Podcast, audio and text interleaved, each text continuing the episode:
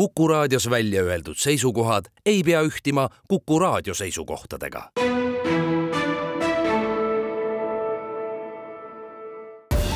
Tartu linnasaade.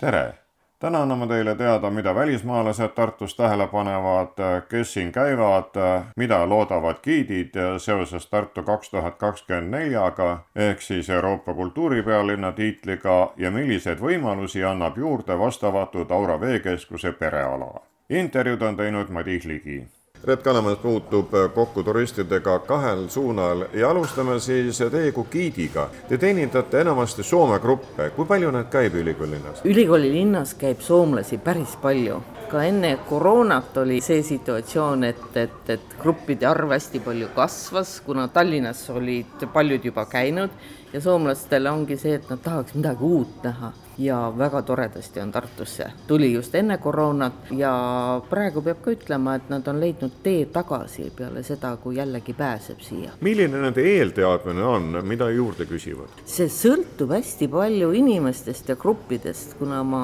sõidan sageli just gruppidega, siis eh, on ka väga teadlikke gruppe. just äsja mul oli üks Soome grupp, kus oli palju härrasmehi ka ja neid näiteks huvitas hästi Tartu rahu teema, kuna see Tartu rahuleping Soome ja Venemaa vahel on siin allkirjastatud ja nendega me näiteks rääkisime palju sellest ja käisime Tartu rahu maja juures ja lisaks me käisime ka lennundusmuuseumis, mis neid väga huvitas. ja tegelikult, mis gruppe huvitab ka see, on see, mis Tartus nõukogude ajal oli, kuidas, kuidas me siis toimetasime ja paljude jaoks on uudis see, et siis välismaalasi nagu siia üldse ei lastudki. ja tore on nendega läbi sõita alati, vähemasti minule meeldib sõita nendega läbi Raadi lennuväljalt ja paljude jaoks see on just see huvitav pool sellest nõukogude ajast, et mis siin Tartus on olnud.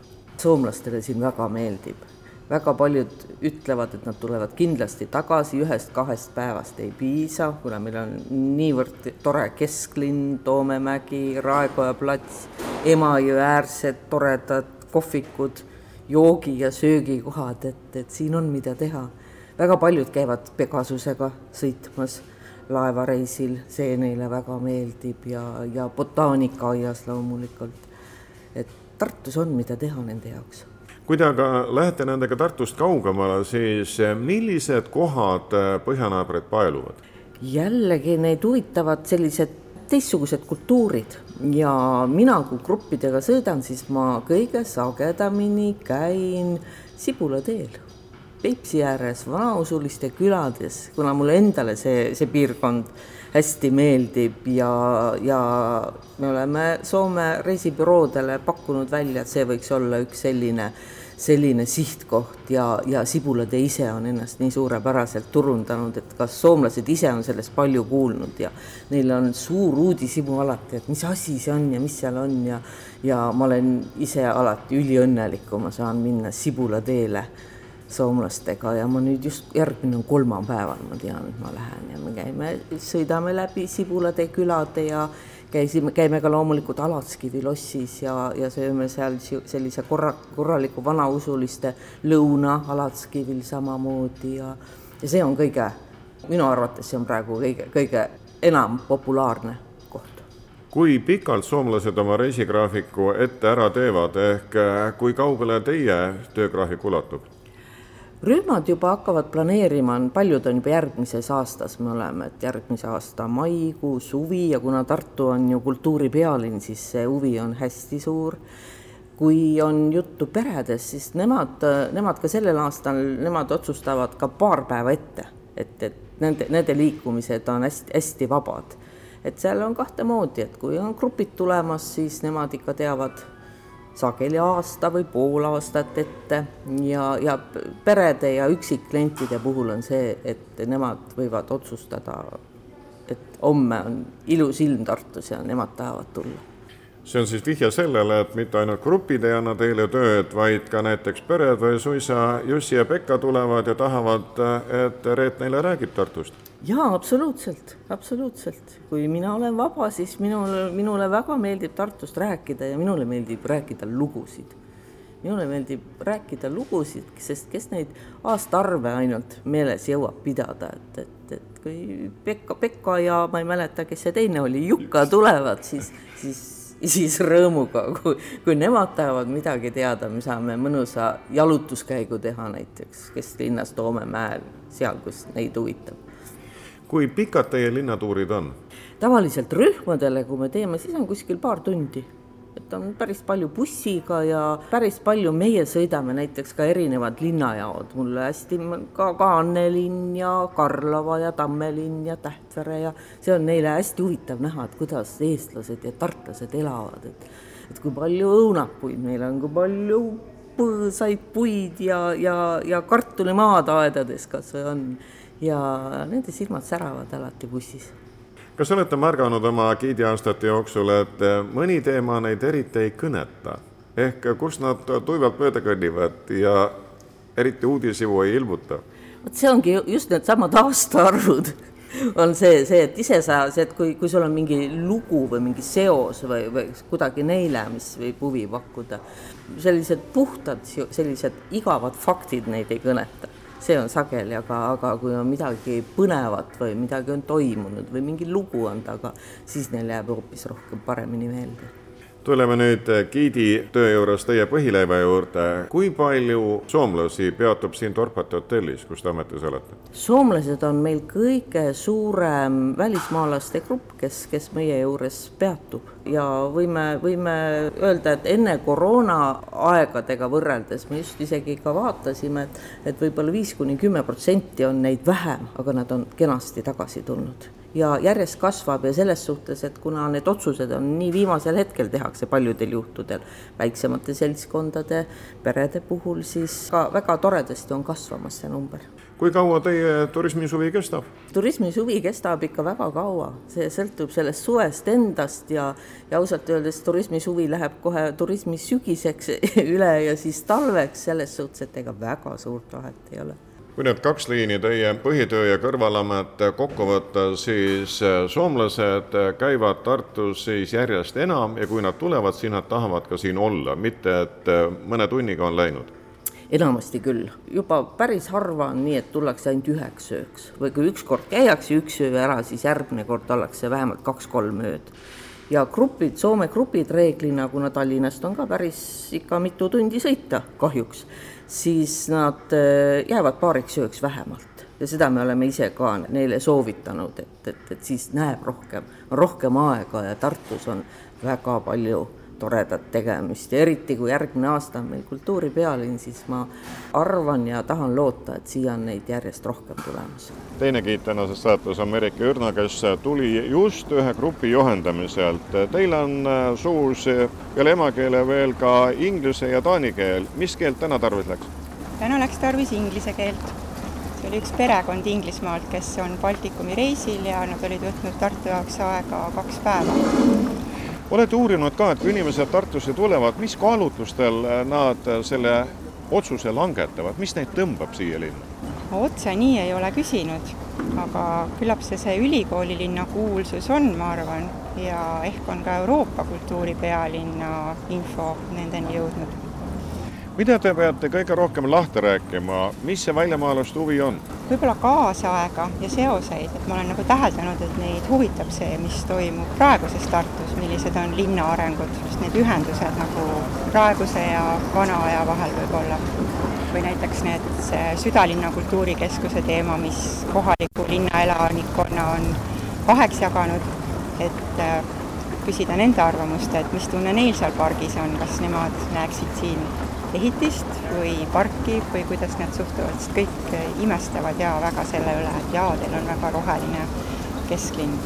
nii et teie kogemus ütleb seda, et kui reisisihid on maha pandud, siis on ikkagi enne ka Tartu linna kodulehel käidud ja sisse toksitud Tartu ehk vaadatud ka, mis seal linnas veel on imetlusväärset, mille pärast tasub tulla ja olla ja giiditeenust tellida ja võib-olla kõike ei ole, täna ma küsisin ka inimeste käest, et äh, kui palju te Tartust teate või mis teadmised teil juba olemas on, siis noh, tavaliselt vastatakse, et väga palju ei ole. aga me juba eile õhtul saabusime siia, natuke jalutasime ringi, et tore oleks kuulda lähemalt, et mida me siis nägime, on ju. mis eas on need, kellele te juhatust jagate? Olgu nad siis grupid või perekonnad, väiksemad seltskonnad? on väga erinevad, aga enamasti suurem osa minu giidimisel olnud inimesi on olnud keskealised võib-olla, pluss-miinus, aga on olnud ka kooligruppe. millal ühe giidi hooaeg algab, millal ta lõpeb? noh, võib öelda, et algab jaanuaris ja lõpeb sügisel, et kevadel on muidugi vähem äh, talvel tegemist, et põhirõhk on ikkagi suvel ja võib öelda, et juba mais aga kõrgkoolid, kes äh, Tartus on, nendele tuleb uusi tudengeid nii sügisel kui talvel ja nemad tahavad oma nii võõrkeelsetele kui eestikeelsetele uutele tudengitele linna tutvustada, siis need tööd on peamiselt sügisel ja talvel ja ka konverentsid. kui sageli läheb taani keelt tarvis? sel suvel kaks korda, aga jah, keskeltläbi kaks-kolm korda aastas võib-olla. kui pikalt üks ringkäik kestab? Klassikaline tuur on selline poolteist kuni kaks tundi. mille peale siis välismaalased kõrvu kikitavad või käsi kokku löövad, vau, seda poleks küll arvanud? sellele on kohe raske niimoodi vastata, küllap neid asju on palju, aga see on see koht, kus õigel ajal küsides ei tule vastused meelde. ilmselt see rohelus, seda ma olen nagu mitu korda märganud, no just oli ka meile autovabaduse puiestee, kas välismaalaste pilk jääb ka selle peale peatuma? Täna ma sain neile rääkida, et see siin oli ja pakitakse täna kokku ja siis nad nagu kikitasid kõrvu küll ja vaatasid ümberringi, et mis koht see on, aga nad väga ei süvenenud, kuna siin enam midagi ei toimu. mis kandist on tulnud teie kõige kaugemad külalised, kellele te olete siis äh, selgitusi jaganud? Aasiast, jah, Jaapanist ja Hiinast no Tartus on kohe giidide ühing olemas, kes siis koondab, teie olete üks vedajatest seal. mitmes keeles Tartu linna giidid äh, siis äh, saavad rahvaga suhelda? nüüd me saame öelda, et juba üheteistkümnes keeles, sest meil on sel suvel juurde tulnud kolm uut liiget ühingusse ja nende hulgas on siis ka nüüd läti keel. muidu oli meil leedukeelne giid, aga nüüd on siis ka läti keel, et jah, praegu teeme üheteistkümnes keeles ekskursioone kas see, et Tartu on äh, järgmisel aastal Euroopa kultuuripealinn, on ka giidide ühingut aktiviseerunud või sinna juurdetulijaid on enam, sest eeldatakse, et väliskülalisi tuleb ja neid on vaja teenindada? ja otseselt see ei ole ühingu liikmeskonda võib-olla suurendanud, aga kuna uusi giide ei ole pikka aega atesteeritud, aga sel suvel seda tehti, siis äh, kaks nendest kolmest on uued Tartu linna atesteeritud giidid ja üks on vanem olija, kes siis valis meiega nüüd liituda. mis teeb eh, ühele giidile siis eh, kõige suuremat rõõmu ajal, mil teised puhkavad, peate teie tööd tegema suurel suvel? kust see rõõm tuleb? jaa, rõõm tuleb sellest, et äh, mulle meeldib see koht, mida ma inimestele näitan. Tartut on tore tutvustada, sest mulle endale meeldib siin olla ja mulle meeldib, et ka teised saaksid teada, missugune koht see Eestis on. Seda rõõmu jagada ja seda rõõmu tagasi saada nendelt inimestelt, kellele ma linna näitan. kas kokkuvõtvalt võime rõõmu tunda sellest, et Emalinnas käib väliskülalisi, sealhulgas ka neid, kes siis räägivad inglise ja taani keeles, üha enam? ma eile huvi pärast vaatasin üle neid numbreid natukene, mis ennem on olnud, et muutusena võib esile tuua seda, et kui enne koroonaaega olid turismigrupid suured ja neid oli palju, siis praegu on pigem perekonnad nagu täna et on kas perekonnad või väiksemad rühmad, kes tulevad, see on nagu turismi osas suurem muutus, et päris sinnasamma numbrini mina jõudnud veel ei ole aastas rühmade liidimisega, aga see iseloom on nagu muutunud ja toredasti palju on neid tuure küll. peate arvet ka, mitmele seltskonnale te aasta jooksul siis Tartu kohta räägite? konkreetselt ei ole tegelikult arvet pidanud, aga eks ta sinna kümne ja kahekümne vahele jääb Tartu linnasaade.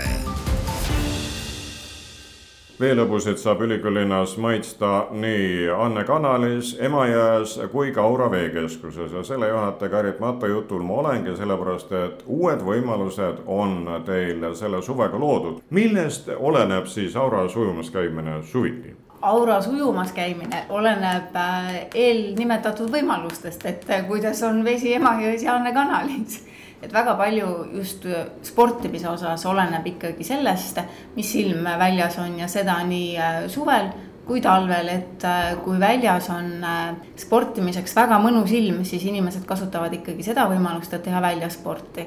ja kui läheb juba selliseks halvaks suusailmaks, siis tulevad rohkem meile sportima kui valab vihma, siis on ka teie juures viimased ilmad on Aura keskuse lemmikilmad, et siis, siis on meil külastajaid palju. Kui võrrelda nüüd suviseid külastamisi talviste numbritega, kui suur see vahe on? selge see, et inimestel on puhkused, koolivaheajad, sõidetakse ringi ning seetõttu ei saa ju suvel nii palju inimesi teil käia kui jahedatel talvekuudel ja sügiseti külastatavus suvel ja talvel, kui neid võrrelda, on, seal on tõesti suur vahe sees ja eelkõige võib-olla just äh, treeningute osas ja, ja ka ujumise osas, et täpselt sel samal põhjusel, et äh, noh, on ju ka puhkused, puhkuse all sporti nii väga ei tehta, lastel on äh, laagrid, on vaheaeg, kus on palju muid tegevusi ja üleüldse inimesed eelistavad suvisel ajal rohkem õues sportida. veepargi ja saunakeskuse osas võivad olla numbrid äh, suvel ja talvel sarnased, aga võivad olla ka suurte vahedega, et seal on väga palju erinevaid tegureid, mis, äh, mis võivad seda külastatavust mõjutada. küll, millest tuleb vahe sisse, on see, et suvisel ajal ja üleüldse koolivaheaegadel ei ole sellist suurt vahet veepargi ja saunakeskuse külastatavusel nii-öelda tööpäeval ja nädalavahetusel, et siis suvisel ajal ja nädalavahe- ja koolivaheaegadel on need võrdsed, sest et kuna koolis käima ei pea, siis saab käia rohkem veepargis ja saunakeskuses möllamas. aastaid on Aura keskus olnud suletud kogu juulikuu, mis on siis umbes äh, neli pool nädalat. sel aastal olime suletud kolm pool nädalat, ehk siis sisuliselt ainult nädalakese vähem aga see suletud oleku aeg oli teine, et me sulgesime Aura keskuse hooldustöödeks jaanipäeva nädalal ja avasime uuesti kaheteistkümnendal juulil. ehk siis lihtsalt see aeg on pisut teine, aga suletud oleme ikka ja, ja periood on ka peaaegu et sama, aga jah, nädala võrra suutsime lühendada. milliseid võimalusi see uus ala juurde annab, mille te tegite? uus ala annab võimalusi võib-olla kõige rohkem isegi juurde veepargi külastajatele, et äh, meie enamuses tühjana seisvale terrassile rajasime siis uue pereala, milles sisalduvad siis kõrbetuba, troopikatuba, väikelaste bassein erinevate põnevate atraktsioonidega ja vihmatuba, mis on siis Eestis ainulaadne, seal on häälefektid ja heliefektid ja veeefektid, et iga külastaja saab sealt valida endale täpselt sellise eh, mõnusa vihma, et eh, kas ta soovib endale saada krae vahele mõnusat seenevihma või troopilist tormi või siis juba sellist eestimaist äh, sügisest külma sügistormi. Ja see annab juurde, nagu ma ütlesin, eelkõige veepargi külastajatele, sest aastaid on olnud äh, tegelikult veepargi külastajatel just nii-öelda enda soojendamise mõttes sellised kesisemad äh, võimalused, et on olemas küll seal rõivistute lähedal leilisaunad, kus saab käia soojendamas. Aga ma arvan, et kõik vee sees möllajad teavad, et kui väga pikalt vette hullama jääda, siis mingil hetkel hakkab ikkagi külm. Lapsed reeglina küll ei tunnista, aga noh, sinistest huultest on ikkagi näha, et, et võib-olla väikest äh, soojenemist vajaks, kuigi meie veetemperatuurid on soojad. aga, aga siiski, et äh, peale pikaaegset vees olemist on mõnus minna sauna ennast soojendama ja nüüd need äh, kõrbetuba ja troopikatuba pakuvadki võimalust ennast soojendada ja võib-olla ka pisut puhata sellest meeletust vees möllamisest. ja mis on iseenesest veel tore, et kuna need uued võimalused asuvad seal ühel väikesel alal koos, et siis äh, on, on parem võib-olla ka olla nii-öelda ühel alal ja koos nautida võimalusi just nii väiksematel lastel, suurtel lastel kui, kui ka vanematel, sest tihtipeale on ikka nii, et seal, kus on vanematel mõnus, seal ei taha väikesed lapsed väga olla ja kus on väikestel lastel mõnus, seal tüütab vanematel ära, aga see on täpselt selline ala, kus kõikidel on korraga mõnus olla ja see ala on siis äh, külastatav nii veepargi kui saunakeskuse külastajatele. Need on siis vihmatoa hääled, eks praeguste ilmadega kuluva ikka värskendus ära. mitu vihmarežiimi siis siin teil on? meil on kolm, on seenevihm, troopiline torm ja sügisene torm. ja teist kätt seal terrassi poole vaadates, kus lapsed praegu sulistavad, seal on juba siis kõrbetuba, nüüd siis on vihmatoa järgmine etteaste ja nii ta tuleb, aga see kestab lühidalt. see kestab lühidalt ja, ja hetkel tuleb siis ikka päris, päris külma vihma sealt Need hääled tulevad mikrofoni aga juba troopikatoast, kus saab siin siis eh, palmide all olla ja veevulinat ja loodusehääli nautida. kallid kuulajad, täna rääkisid teiega Tartus turiste teenindavad soome keele giid Reet Kalamees ning inglise ja taanikeelseid inimesi juhendav Merike Jürna ja Aura veekeskuse juhataja Kairit Matto. Neid usutles Madis Ligi aitäh kuulamast, tulge ja nautige Tartut ja tema üritusi. Tartu linnasaade